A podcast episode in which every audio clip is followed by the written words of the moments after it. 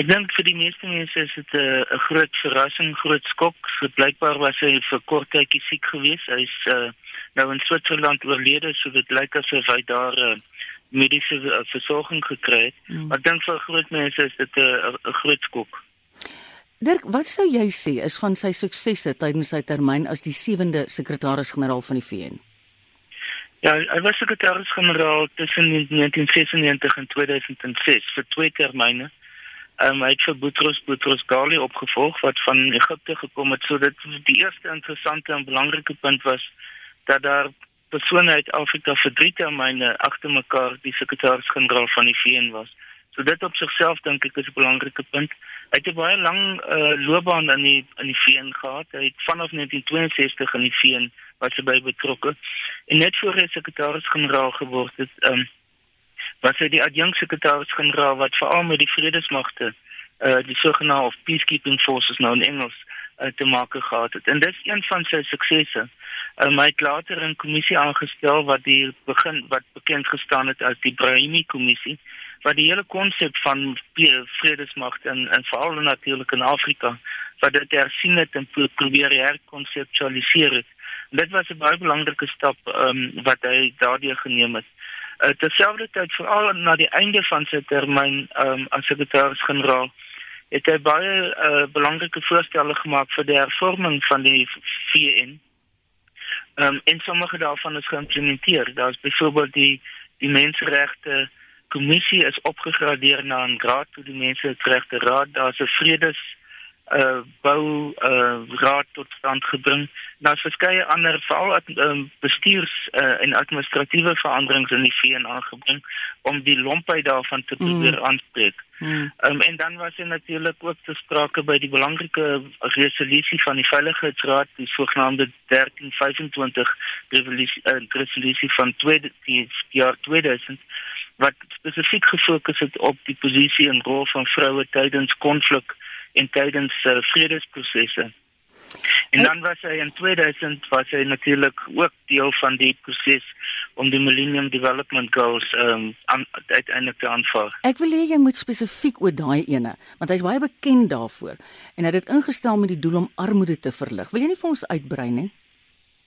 Ja, dit is uh, soos die die naam natuurlik aandui, dit is in die jaar 2000 aanvaar. Ehm um, en dit was bedoel om 'n nuwe agenda, 'n globale agenda te skep waarby die VN natuurlik baie direk betrokke sou wees um, om uh, die probleme van ontwikkeling uit te spreek. So dit het maar en daar's 'n hele aantal baie spesifieke doelstellings so ehm um, het is daardeur geïdentifiseer ehm um, waarby die meeste lande hulle self mee geassosieer het oor tyd.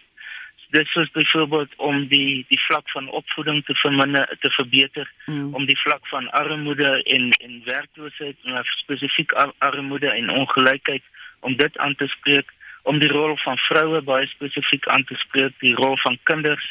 Ehm um, dit sodat dit 'n baie wye agenda wat mense kan sê die ontwikkelingsagenda geword het van die VN wat in hierdie uh, oordeenk of in hierdie verklaring uh, wat deur die VN amptelik aanvaar is dat dit daarin uiteengesit word. So dis baie spesifiek dink ek waar waar aan lande hulle self kan meet.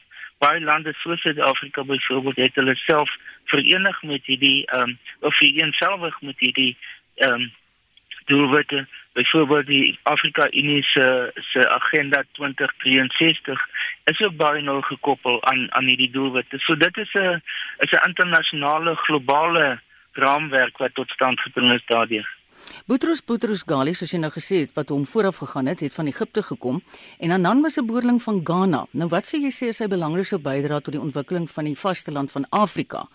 Waaroor hy natuurlik baie passievol was.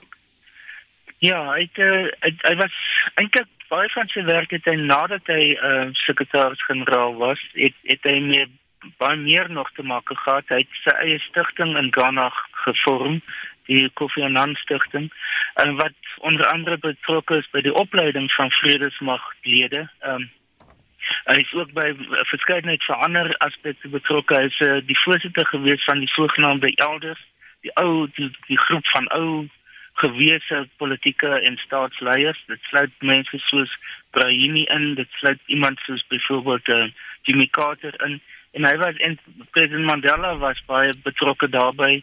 Branson van die uh, Virgin groep was is ook baie betrokke daarbey. So hulle is en hulle het baie onlangs weer bymekaar gekom. So dit het 'n ja. belangrike rol en veral in ja. Afrika gespeel om lande wat polities in die moeilikheid is of waar waar dat waar die proses besig is om skeef te loop dat hulle as groep so intoe gegaan het om te probeer om advies te gee ja. aan die politieke leiers van daardie omgewing. Dan baie dankie dit. Ek ook 'n baie belangrike rol gespeel by die as mediator van 'n groep van 'n span in Kenia in 2008 en ek dink hy word baie daarvoor ook um, erkenning gegee. Mm. Baie baie dankie Dirk. Dit was professor Dirk Coetzee, hy's 'n politieke wetenskaplike aan Unisa.